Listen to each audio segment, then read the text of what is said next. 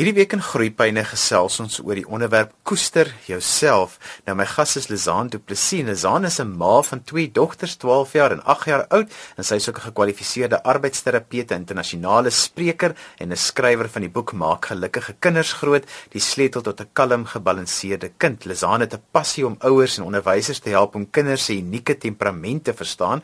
En wanneer ons dit verstaan, dan kan ons hulle ontwikkeling ondersteun en natuurlik ook die daaglikse uitdagings rondom kinders grootmaak hanteer hanteer en sterk verhoudings met ons kinders vorm. Sy bemoedig en rus ouers en onderwysers toe om doelgerig te wees.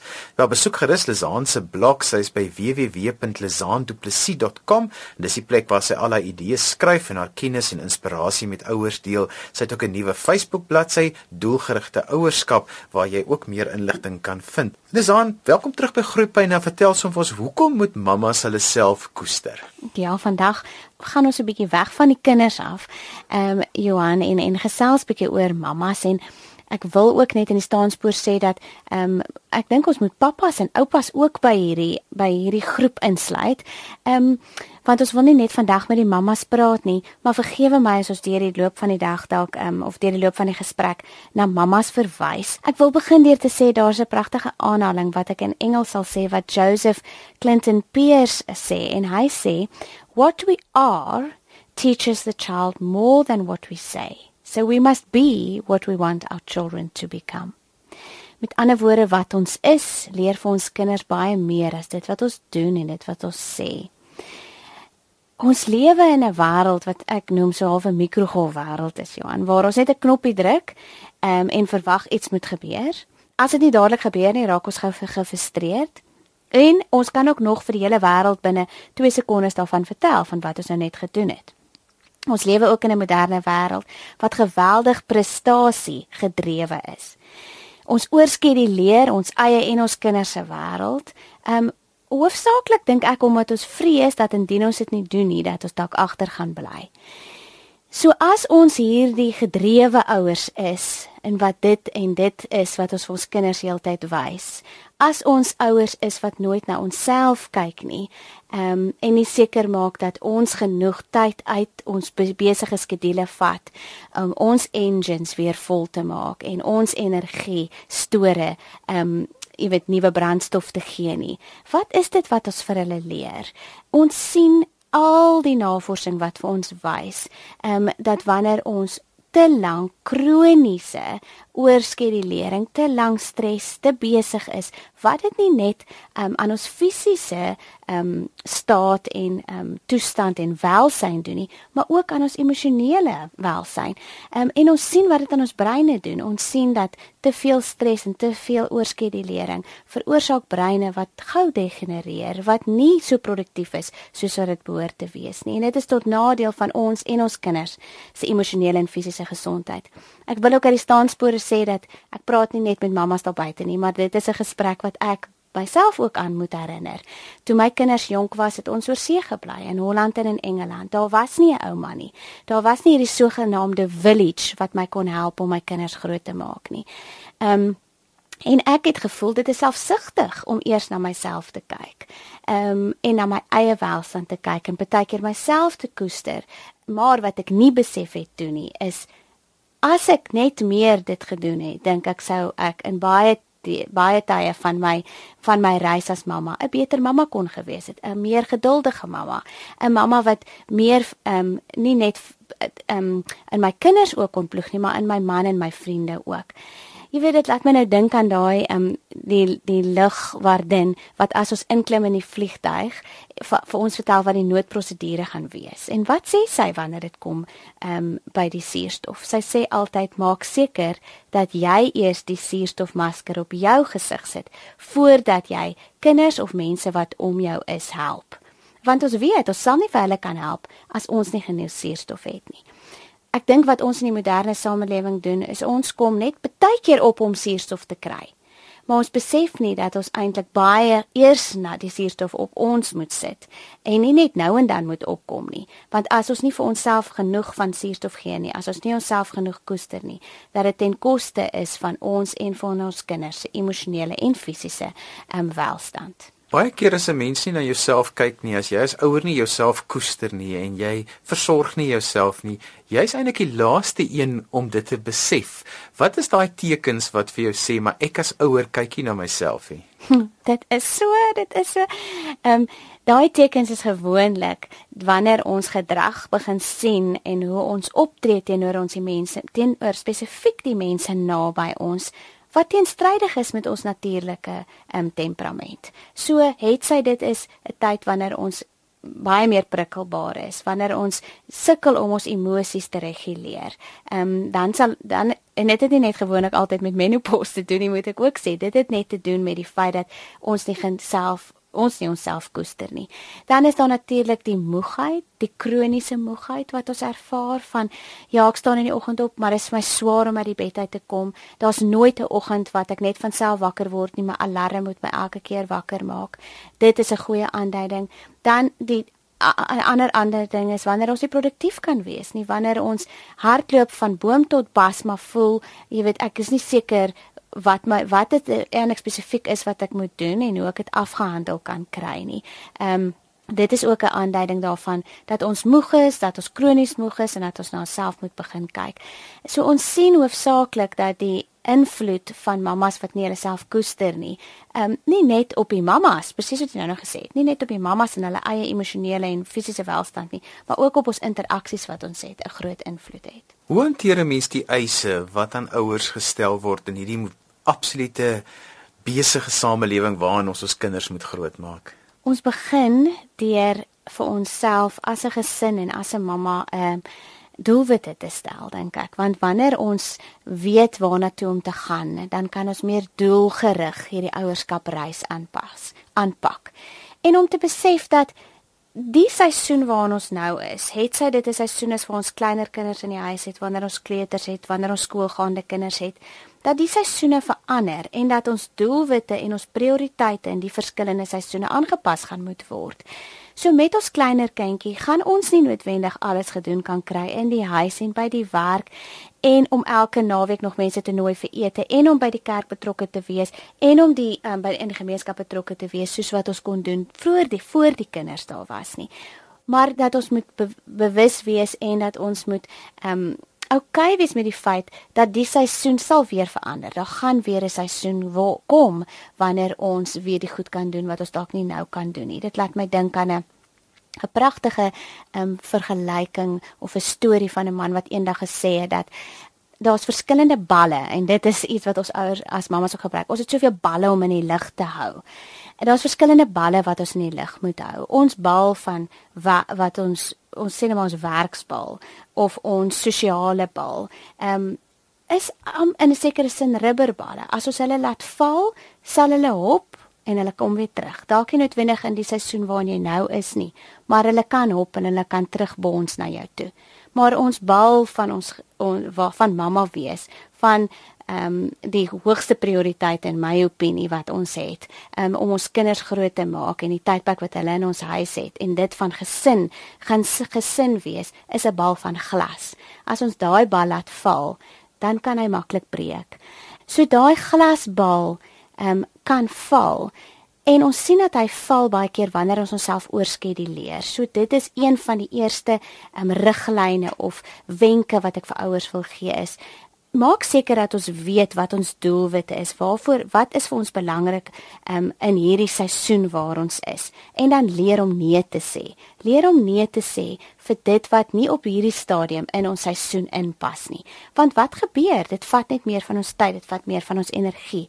Ehm um, en dit het sy dit is om nie meer die gemeenskapprojekte wees nie, nie meer ehm um, te sê jy sal by die kerk se etes help nie en nie skuldig daaroor te voel nie want daar gaan weer 'n tyd kom wat jy dit kan doen. Maak ook seker ons oorskeduleer nie ons kinders se middagprogram nie en sê maar dis nie nodig dat ons elke middag 'n sport of 'n kulturele aktiwiteit moet doen nie. Ehm um, want dit is ten koste van daai glasbal wat dalk kan val. Kom ons kyk, ehm um, is daar nie dalk goed wat ons uit ons rotine uit kan haal sodat ons ehm um, onsself bietjie kan koester in hierdie malle gejaagde samelewing samelewing waarin ons is nie. Lisan, dit voel vir my baie keer of ouers ook moet leer om vir hulle kinders te kan nee sê.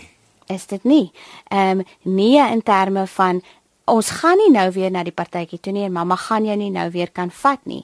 Nee, ons hoef nie 5 elk soos ek gesê het elke middag aktiwiteite te doen nie. Ons kan 2 of 3 kies om te doen. Ehm um, nee, ons gaan nie nou vanaand ehm um, ons gaan nie vandag na die strand toe en vanaand fliek en môre nooi vir ete nie. Jy weet dit is daai goed van nee. 'n Ander tyd van nee wat ek ook goed onthou het wat ek my wat ek myself moes leer om te doen is mamma is nie altyd beskikbaar as daar geroep word mamma nie. Somstyds het mamma ook nodig om nou net in die bad te gaan lê met kersse. En mamma sal oor 10 minute weer daar wees, maar mamma gaan nou eers my engine volmaak en myself koester en dan sal ek weer daar wees. So is dit nie. Ons voel so skuldig om nee te sê. Ons voel dis 'n selfgesentreerde ding om te doen. Ehm um, maar ons ons mag dit doen en ons moet dit doen vir die vir ons eie welstand en vir die van ons die mense naby ons. Lizaan, hoe sorg ouers dat hulle tentjie vol bly? Ons begin by die basiese basiese behoeftes. Ons maak seker ons eet gesond. Ehm um, ons probeer om nie 'n maaltyd te te mis nie en ons drink genoeg water. Ons beweeg. Maak seker dat mamas 'n manier vind om beweging in hulle dag in te bou. Het sy dit is om vroegoggend gou vir 'n stappie om die blok te gaan. Ehm um, het sy om in die middag as ons by die huis kom, die kinders op hulle fietsse te laai en saam met hulle te gaan stap. Kies 'n uh, bewegingsaktiwiteit, een of ander iets waar ons oefening kan doen wat by jou temperament pas maar ons weet wat beweging doen. Beweging is so belangrik vir ons liggame en vir ons breine. Dit help om daai voel goed hormone van endorfine en serotonien vry te stel. Ehm um, en dit het 'n baie fisiese ehm um, effek op ons neurologie en hoe ons aan mekaar gesit is. Dit help ons nie net met ons baierigheid nie, dit help ons ook om beter te konsentreer en om meer produktief deur die dag te kom. So maak seker ons doen iets wat beweging in ons dag inbring. Dis aan want dit is belangrik dat ouers hulle eie sensoriese temperament sal verstaan want dit het 'n impak op die hele gesin. Is dit nie? Dit definitief. Um, ek is 'n baie sensoriese sensitiewe mens. Ek vergelyk myself met 'n krimpvarkie. Dit beteken my tank is, my drempel is nogal laag. Met ander woorde, ek kan opstaan en 'n baie rustige um, meer geduldige mamma wees aan die einde van die dag wanneer my dag volgeprop was en daar heelwat insit insette was, um, sensoriese insette en ook emosionele vereistes, dan is ek glad nie meer so geduldig as in die oggend nie. Ehm um, en daarom moet ek seker wees dat of ek moet verstaan en begrip daarvoor hê, ehm um, dat dit my sensoriese temperament is. En wat doen ek dan om my sensoriese temperament ehm um, soort van nie te verander nie, maar net beter te reguleer en vir die mense om my te help verstaan dat dit nie hulle is wat my ongeduld veroorsaak nie, dat dit eerder my eie temperament is. So vir sensoriese sensitiewe mammas, vir ons krimpvarkies, is dit belangrik om te beweeg deur die dag. Dit is belangrik ook om aan die einde van die dag 'n um, 'n tydperk te kry of 'n plek te kry waar dit bietjie rustiger is. Het sy is dit om met oorfone kos te maak en rustige musiek te luister om dit om jou uit te skakel. Het sy dit is om vir 'n vinnige graffie om die blok te gaan. Ehm um, al daai tipe goed is belangrik om ons sensoriese temperament te reguleer. Kom ons praat oor nog 'n paar goed wat belangrik is wanneer dit kom by ouers en hulle hoe hulle self moet koester. 'n Volgende ehm um, klip wat ek net in die bos wil gooi is koestering word baie keer benadeel deur die feit dat ons het 'n strewe na perfeksie. Ehm um, dat ons alles 100% wil doen. Ons wil hê die perfekte mamma wees. Ons wil perfekte kinders grootmaak. Ehm um, En wanneer dit dan nie kan gebeur nie, want dit kan nie gebeur nie, dan is ons baie keer ehm um, baie teleurgesteld.